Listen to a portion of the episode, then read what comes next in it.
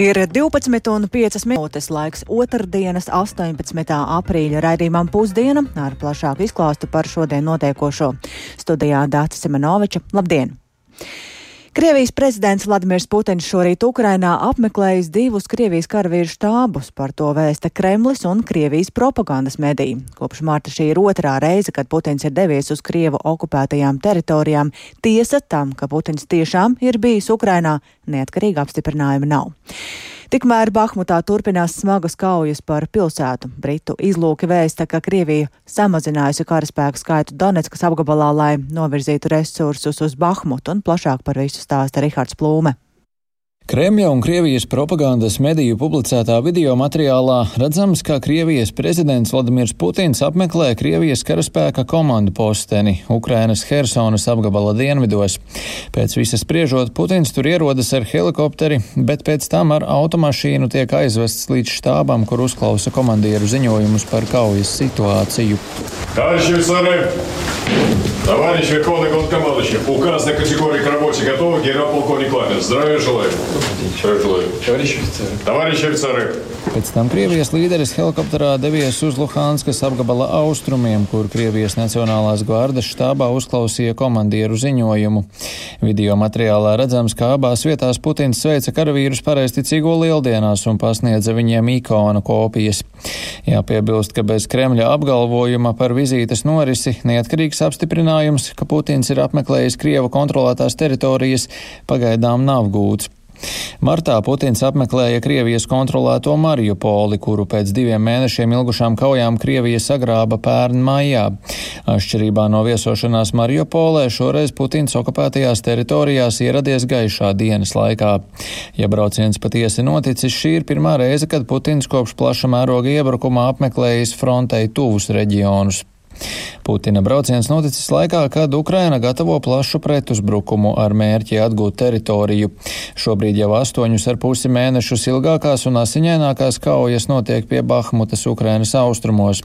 Lai gan kaujas tur ir ļoti smagas, abām pusēm pilsētu Krievijas aizsardzības ministrijas un privātā algotņu grupējuma Wagner spēkiem joprojām nav izdevies ieņemt, un Ukraiņi turpina aizstāvēties. Ukrainis Aleksandrs, bijušais leģionārs, snaiperis, kurš vairākus gadus nodzīvojis Francijā, bet tagad devies uz Ukrainu aizstāvēt savu zemi, stāsta par situāciju Bahmutas apkārtnē. Šobrīd es teiktu, ka ir ieņemti vismaz 50% pilsētas. Viņi turpina virzīties uz priekšu. Situācija ir ļoti smaga, ļoti sarežģīta. Uzbrukumi turpinās pastāvīgi, turpinās apšaudes ar visu kalibru ieročiem. Lielbritānijas aizsardzības ministrijas izlūki tikmēr norāda, ka Krievijas spēki Bahmatā turpina lēnām virzīties uz priekšu. Frontes līnija pilsētas centrā galvenokārt iet pa galveno dzelzceļa līniju. Tāpat tiek atsisti uzbrukumi no dienvidiem un cīņas notiek arī ziemeļos. Ukrainas aizsardzības ministrija ziņo, ka Krievijas iebrucēju karaspēks pēdējā laikā intensīvāk izmanto smagās artilērijas un gaisa triecienus Bahmutas virzienā. Kā secinājuši Britu izlūki, Krievija šķietami samazina uzbrukuma darbības Donetskas apkaimē, lai pārsviestu spēkus Bahmutas virzienā. Abām pusēm izšķirīgs kļuvis jautājums par ap Bahmutu savilkto spēku kvantitāti. Proti Ukraina vēlas atbrīvot spēkus uzbrukumam, tikmēr Krievija domājams cenšas atjaunot operatīvās rezerves. Rihards Plūme, Latvijas radio. Un tieši Krievijas izvērstā kara Ukrainā dēļ arī pie mums ir nonākuši daudz ukraiņu, kuriem ir vajadzīga palīdzība. Un šodien ir pirmā darba diena jaunās telpās Common Ground. Tā ir sociāla iniciatīva, kas jau vairāk nekā gadu pulcina kara bēgļus no Ukrainas un viņu draugus, kuru vidū ir Baltkrievijas un Krievijas opozicionāri. Līdz šim Common Ground mājoja Andrejostā, bet tagad ir pārcēlies uz Rīgas domas pagrabstāvu. Turpina iniciatīvas izveidotāja Inese Dabola. Mēs esam vienīgā pašvaldība pasaulē, kas ir atvēlējusi savas pašvaldības telpas bēgļiem. Common Ground eh, radās 24. februāris pagājušais gads. Tā mūsu pamatkomanda organizēja Rīgas Starptautiskā laikmēs mākslas bienāli un to strādāt ar laikmatīgo mākslu nevar eh, ignorēt eh, apkārt notiekošo kontekstu.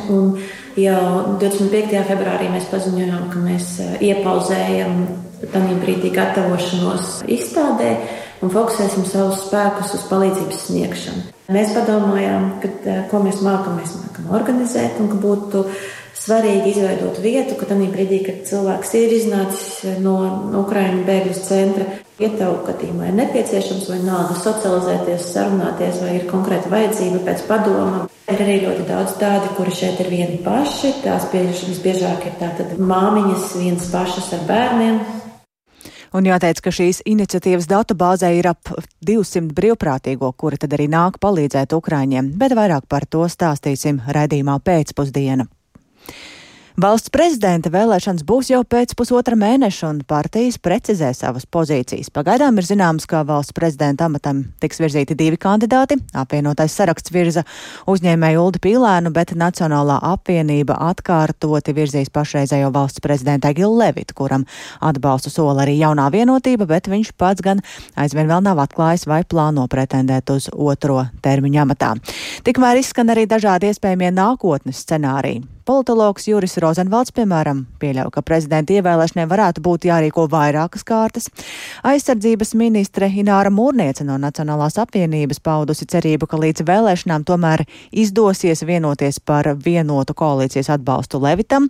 Tikmēr, piemēram, Zaļo un Zemnieku savienības valdes priekšsēdētājs Armāns Krauze kategoriski izslēdz, ka viņa partija varētu atbalstīt Levitu. Pats Levits teica, ka Valsts prezidentu nedrīkst ievēlēt ar tādu vairākumu, kurā izšķiroša loma ir prokremliskām partijām. Rīgas Stradiņu Universitātes politikas zinātnes katedras profesora Ilga Kreitus Latvijas radio savukārt šorīt redzījumā labrīt kolēģiem Ārtais Kujai un Laurim Zvejniekam sacīja, ka nav izslēgts variants, ka ir kāds trešais valsts prezidenta kandidāts, pie kā strādā partijas, ne tikai koalīcija, bet arī kopā ar opozīciju, un Kreitus norāda, ka šajā brīdī ir neizprotama premjera Krišņāņa Kariņa no jaunās vienotības paustā vēlme, lai koalīcija vienotos par vienu prezidenta amata kandidātu, jo jau šo, šobrīd no koalīcijas partiju puses izvirzīti divi kandidāti koalīcija jau vairs prezidenta jautājumā nepastāv, jo koalīcijas partners apvienotais saraksts Pīlēna kungs jau ir nominējis. Tagad pretī ir izvirzīts otrs Levita kungs. Tas nozīmē, ka viņš domā laikam, ka neviens ne otrs netiks ievēlēts un ka būs kāds trešais, par ko varēs vienoties koalīcija. Tāpēc šāds paziņojums ir kaut kur, manuprāt, uz šo brīdi neloģisks, ja nav variants B, kas jau ir apspriests un par ko mums nav informācijas. Bet, nu, ja pieņemam, ka koalīcija iet ar diviem prezidenta amata kandidātiem, kādam no tiem ir reālākās izredzes uzvarēt? Te jau jāskatās vispirms ir par Levita kunga izvirzīšanu, jo Nacionāla apvienība bija savā veidā kā vinnijas pulks iedzīt šaurā bezzējā, jo ja viņi nenosauktu Levita kungu, tad viņiem būtu jāatzīst, ka viņi savu laiku ir kļūdījušies un ka nevajadzēja ievēlēt šādu prezidentu. Nosaucot Nacionāla apvienība tomēr saprata arī paši iekšēji. Viņi ir nosaukuši Latvijā līdz šim nepopulārāko prezidentu, kas ir bijis atkal jaunam periodam. Te jau ar parādu parādās tas moments, vai koalīcijā palikušās partijas tik viennozīmīgi, vienpersonīgi balsos par Levitu kungu. Lai gan atklātajā balsojumā deputātam ir samērā grūti izteikt individuālo viedokli pret partijas viedokli. Šobrīd es domāju, ka Levitu kungam ir mazāks šans nekā Pīlēna kungam, bet arī tur es neteiktu hop, ka viss ir atrisināts. Jo, kā mēs zinām, intrigas ar prezidenta ievēlēšanu nav kārtīgi intriga bijusi tikai vairs Vīts Freibergs otrajā piegājienā, kad nebija kur atkāpties ne tiem, kas viņu negribēja, ne arī kritiķiem, jo viņa parādījās kā personība, kuru nevar neievēlēt otrā periodā rodās šis jautājums varbūt mums, vai ir pareizs viens moments, ko arī es esmu uzsvērusi, kad prezidenti ievēlē ar 51 balsi, bet prezidenti var atsaukt ar divām trešdaļām. Un varbūt, ja mēs ieviestu šo divu trešdaļu balsu nepieciešamību ievēlēšanai, sarunas partiju vidū būtu daudz intensīvāks un daudz kvalitatīvāks. Nu, bet tas ir nākotnes jautājums. Jūs piekrītat tam viedoklim, ka pīlēna ievēlēšana nozīmēs Kariņa valdības beigas? Tad man gribās jautāt, cik daudz cilvēki šobrīd Latvijā pateiktu, ka tas ir labi. Kariņa valdības beigas ir īpaši ņemot vērā to situāciju, kāda veidojās ar 24. No vienas puses varētu tā teikt, jo Kariņa kungs ir izdarījis visu, lai Pīlēnu kungu aizvāktu no politiskās sfēras ar nerunāšanu, ar nepieļaušanu piedalīties un tā tālāk. Vai tas būtu momentā automātiski? Automātiski tas nenotiek, lai gan mēs, ja skatāmies uz pasaules praksi, tad ļoti bieži mainoties prezidentam, nākot no citas politiskās partijas, nomainās arī premjeras. Bet nu, tas ir vairāk, kur prezidentu vēlē tauta. Ja? Tā kā šāda iespēja ir, bet tā nebūs tikai tāpēc, ka Pīlēns ir ievēlēts, bet tā mhm. būs kopējā koalīcijas nespējā kvalitatīvi strādāt, lai neradītu krīzes situācijas valstī. Tā Rīgas Stradiņa Universitātes politikas zinātnes katedras profesora Ilga Kreitusi par prezidenta vēlēšanām. Bet mūsu nākamais stāsts par to, ka kamēr Rīgā, Baltijā lielāko dzelzceļa projektu Rail Baltica aktīvi būvē, ārpus galvaspilsētas darbus plānots sākt vien gada beigās, taču pastāv risks tam, vai būs būvnieki. Par to šodien sprieda Saimas tautsēmniecības agrārās vides un reģionālās politikas komisijas sēdē, un te līdzi sekoja arī kolēģis Viktors Demīdovs, kurš šobrīd pievienojas man studijā. Sveiks, Viktor, un eh, par ko tad sēdē bija tās aktīvākās diskusijas? Jā, labdien! Nu, par Rail Baltica runāts jau ir daudz kārt, un tas ir skaidrs, jo tas ir ļoti nozīmīgs projekts visai Baltijai. Un pēc Latvijas būvu uzņēmēja apvienības aplēsēm tās izmaksas varētu tuvināt, tuvināties pat 7 miljārdiem eiro. Un tas ir vismaz par miljārdu eiro vairāk nekā bija prognozēts pirms vairākiem gadiem. Un atgādināšu, ka tātad sliežu garums visās trīs valstīs ir 870 km. Aktīvi darbi, kā jau tu pieminēji, norit Rīgā, tīpaši tas ir centrālās stacijas un lidostas tuvumā, bet ārpus galvaspilsētas darbus plānots sākt šī gada beigās Iecavas pusē, un par to šodien informēja Saimnes tautsēmniecības agrārās vidas un reģionālās politikas komisijas sēdē, kurā Latvijas ceļu būvētājs uzsvēra, ka būvniecības nozare no iepirkumiem ir atslēgta. Atšķirībā no Igaunijas un Lietuvas, Latvijā būvdarbi netiek sadalīti mazākos posmos, un uz to norāda arī saimnes deputāts Kaspars Briškens no progresīvajiem, sakot, ka tos vismaz 200 km garo posmu par Latviju, ja mēs runājam, ja tu vajadzēja sadalīt sīkākos posmos, mm, nu, tā būtu izdevīgāk arī pašiem būvniekiem viņi pieteikties varētu tiem konkursiem, un, un, un, un tad attiecīgi tā būtu uh, ērtāk. Uh, nu, tad lūdzu arī paklausīsimies um, saimnes deputāta teikto. Viena kontrakta vērtībai nu, būtu jābūt apmēram 500 miljonu līdz miljardam. Šajā gadījumā Latvija, izņemot Rīgas šo sarežģīto posmu, izvēlējās to visu salikt vienā komponentē, un mēs redzam, ka tas ir novedis pie tā, ka otrajā kārtā iespējams būs palikuši pāri ļoti maz pretendentu. Un vienlaikus, protams, mēs redzam, ka tā investīcija vērtība ļoti pieaugs. Bet šeit es teiktu, ir jāskatās uz šo no diviem aspektiem. Viens ir, kā maksimāli efektīvi iesaistīt Latvijas būvnieks, lai viņiem veidojās šī ilgtermiņa kompetence sadarbībā ar starptautiskiem spēlētājiem, un kā Latvija nu, tiks galā tagad ar šīm blaknēm, ka mums ir zema konkurence, iespējams, ļoti augsti šie finanšu piedāvājumi, kuriem mums īsts finansējums šobrīd nav pieejams, nemaz nerunājot par nacionālo līdzfinansējumu.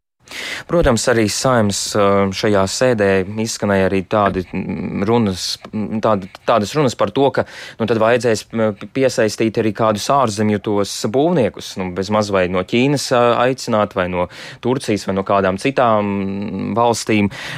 Uz to arī raug, raudzījās un dažādi nu, skeptiski. Nu, protams, negribu uzreiz tam ķerties klāt un, un, un to atbalstīt.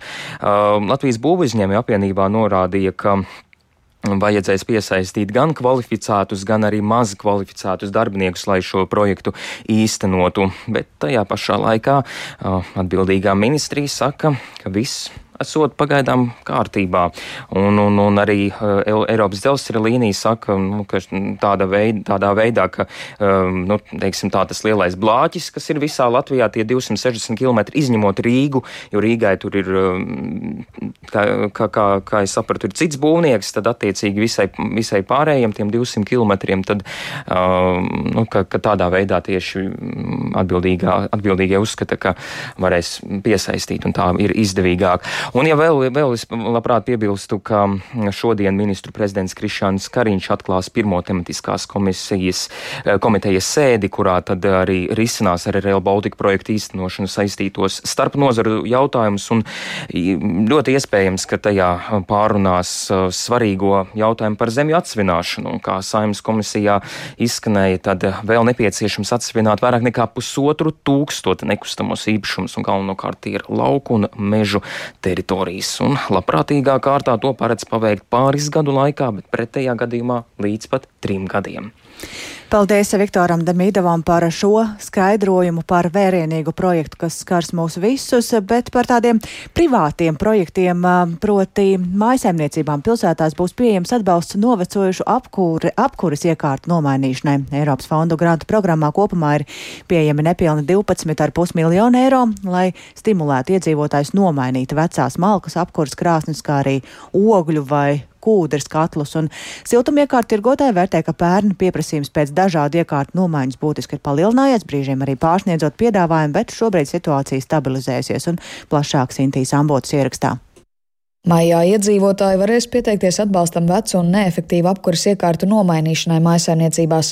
Prioritāri projekti īstenojami Rīgas, Liepājas un Rēzeknas pilsētu teritorijās, kur ilgstoši konstatēti gaisa piesārņojuma normatīvu robežlielumu pārsniegumi.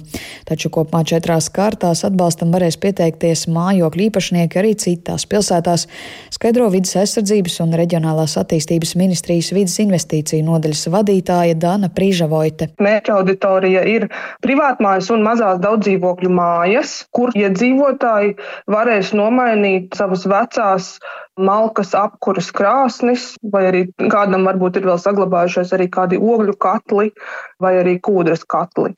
Vides ministrijas dati liecina, ka no visām Latvijas maisaimniecībām, kam ir individuālā siltumapgāde, 70 līdz 80% apkurē lieto biomasu. 2020. gadā pilsētās koksnes kurināmā istabas krāšņu un plīšu vidējais vecums bija no 23 līdz 27 gadiem. Savukārt centrālās apkuras katlu, kuros izmanto malku, koksnes, atlikumus, atlikumus un briketes, vidējais vecums bija no 13 līdz 23 gadiem. Ministrija lēš, ka kopumā ap 1200 mājsaimniecību varēs saņemt šo Eiropas fondu finansējumu grantu 50 līdz 95% apmērā. Prioritāti mēs dodam pieslēgumiem centralizētai siltumapgādes sistēmai, un mēs dodam arī 95% atbalstu. Otrs, kur mēs dodam 85% atbalstu projektam, ir siltumsūkņu nomaiņa, izņemot gaisa siltumsūkni. Šim siltumsūkņu veidam ir 50% apmērā, un biomas katlu nomaiņai 70% atbalsts. Siltumiekārtu ražotāju pārstāvju un vairumtirgotāju Sijā Onninen tirzniecības direktors Edmunds Priede vērtē, ka sākot jau ar pērnā gada martu, pieprasījums pēc apkuras iekārtu nomaiņas desmitkāršojies salīdzinot ar 2021. gadu. Primāri domā par to, ka, lai viņam šī apkuras iekārta strādātu maksimāli efektīvāk, jā, tad gan pašas apkuras izmaksas, gan uzturēšanas izmaksas, lai būtu pēc iespējas lētākas. Un otrs arī, protams, ir um, visa tā ģeopolitiskā situācija, ka cilvēkam arī interesē šī drošība, ja, ilgspējība. Tā būtu tāda neatkarīga no kaut kādiem ārējiem faktoriem, ja, un saglabāt šo drošību ceļš apkurses sezonu. Uzņēmuma akvedukts tirzniecības daļas vadītājs Dmitrijs Gaujanietis gan iezīmē, ka pērn pieprasījums pēc apkurses sistēmām bijis tik augsts, ka brīžiem visi tirgus dalībnieki to nevarēja pietiekami nodrošināt, bet šogad situācija ar piegādēm normalizējusies visā Eiropā. Vairāk par pieprasījumu tendencēm turpina uzņēmumu pārstāvis. Kā tirgotājiem mums sajūta tāda, ka kas bija pagājušā gada, visu historiju veidu, ka vienmēr nenoteiktība būs gāze, nebūs gāze, būs pieejamas granulas vai nebūs. Cilvēki šo brīdi doma līdzi, papildinot savas esošas sistēmas, tad paralēli var strādāt apkuras sistēmā gan granulu katlu, gan, pieņemsim, siltumsūkni. Citreiz tas ir komplekss risinājumi. Tad cilvēki pēc varam programmas uzstāda fotovoltāžas paneļus. Noteikti pieprasījums būs augsta līmenī arī šogad. Apkuras iekārtu nomaiņas projektu iesniegumu atlasi nodrošinās Centrālā finanšu un līgumu aģentūra. Ar šī atbalsta investīcijām līdz 2025. gada beigām plānots panākt piesārņojumu smalko daļu emisiju samazinājumu vismaz 50 tonu apmērā gadā. Sinti Ambote, Latvijas radio. Un mēs turpinām sekot līdzi arī notiekošiem Latvijas Olimpiskajā komitejā un tā prezidenta Žorža Tikmera iespējamam interešu konfliktam organizācijas darbībā. Šodien paskaidrojumi ir uzklausīti arī Saimas sporta apakškomisijas sēdē. Tai līdzi sekoja arī kolēģis Lotārs Zariņš, kurš šobrīd pievienojas tiešraidē. Sveiks, Lotār, un kā tad noritēja pati sēde, un vai uz visiem jautājumiem šajā sēdē izdevās gūt atbildes? Jā, sveiki, un sveiki, klausītāji. Jā, nu, komisijas sēde iesākās ar Oļega Burovu jautājumu, kāpēc nav ieradies Žoržs Tīkmers, kā minēja Olimpiskās komitejas ģenerālsekretārs Kārlis Lēnieks, tad prezidentam veikta plānveida operācija un tuvākos mēnešus Tikmers būs ārpus darba režīma. Olimpiskās komitejas juridiskā dienas vadītājs Raits Kesels, kurš arī piedalījās šajā sēdē, atzīmēja, ka pēc korupcijas novēršanas un apkarošanas biroja paziņojuma un arī iekšēji veiktās situācijas izpētes droši var teikt, ka interešu konflikts nepastāv.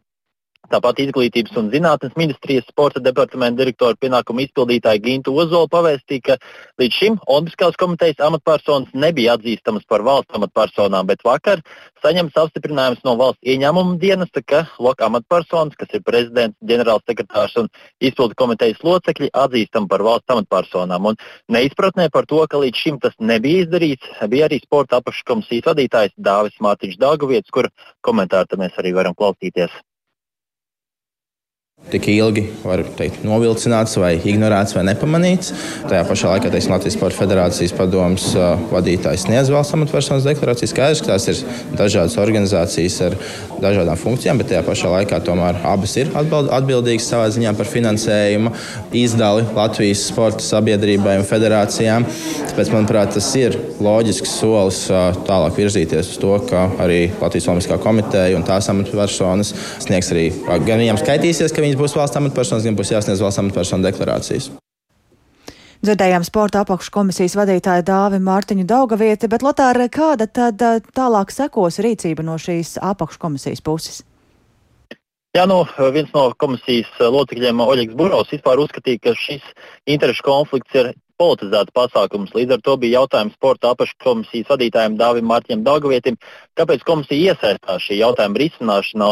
Buros uzskatīja, ka komisijai vajadzētu distancēties no šīs lietas, uz ko Daugavietis atbildēja viens brīdis, līdz kuram valsts var iejaukties nevalstisko organizāciju darbībā, bet būtu nepareizi, ja mēs sāktu teikt, kas ir jādara Latvijas Olimpiskajai komitejai, vai Latvijas Basketbola savienībai, vai Latvijas Futbola federācijai, vai jebkurai citai sporta organizācijai. Tas tomēr ir nevalstiskais sektors šīm visām organizācijām ir biedri. Vēl viens iemesls, kāpēc šādai sēdē bija jānodeklarē organizācija biedri, varbūt tie, kuri tik ļoti aktīvi nekomunicē teiksim, ar uh, Olimpiskās komitejas vadību, lai viņi redzētu atbildes kaut kādiem jautājumiem, un tad tālāk iespējams uh, nākamajā kopsapulcē uh, vai ģenerāla asamblējā izdarīt secinājumus. Kādas secinājumus viņi izdarīs, tas jau ir jautājums šiem biedriem. Jā, un 24. aprīlī paredzēta Olimpiskās komitejas ētikas komisijas sēde, kur arī skatīs šo jautājumu par interešu konfliktu. Un, uh, deputāti gan apšaubīja, kāds būs ētikas komisijas lēmums un uh, kādas tālākās darbības komisija vispār varēs veikt. Uz ko Raits Kesels atbildēja, ka kompetence ir šīs situācijas izvērtēšanai un tālāku lēmumu pieņemšanu. Un ētikas komisijā nav iespējams kādu atstādināt no amata, bet izvirzīt tikai ieteikumus. Paldies tev, Lotāra, par šo skaidrojumu un to, kas tad tika lemts šodien saimas um, apakš, sporta apakškomisijā un piepildīšu tātad to, ka Latvijas Olimpiskās komitejas vadībai prezidentam, ģenerālsekretāram un arī izpildu komitejas locekļiem tiks noteikts valsts amatpersonu status. Tā šodien saimas sporta apakškomisiju ir informējusi arī izglītības un zinātnes ministrija. Ar to arī izskana mūsu šīs dienas raidījums pusdiena. Tā producente Ilze Aginta, ierakstus montēja Kaspars Groskops par labskaņu rūpējās Mārtiņš Paeglis un ar jums sarunājās Dāca Simenoviča. Vēl īsi par būtiskāko Krievijas prezidents Putins ir apmeklējis Krievu karavīrus okupētajās Ukrainas teritorijās, tā vēsta Kremlis, bet neatkarīga apstiprinājuma tam nam, nav. Iedzīvotājiem pilsētā būs pieejams valsts atbalsts vecu apkuras iekārtu nomaiņai, un vēl arī Olimpiskās komitejas vadībai būs jāievēro valsts amatpersonām noteiktie ierobežojumi. Atgādināšu arī to, ka Latvijas radio ziņas un raidījumi ir atrodami raidierakstu platformās, tāpat arī mūsu mobilajā lietotnē. Mūsu ziņas arī sabiedrisko mediju ziņu portālā LSMLV un sociālajos tīklos, bet ēterā raidījums pusdiena jau atkal rīt.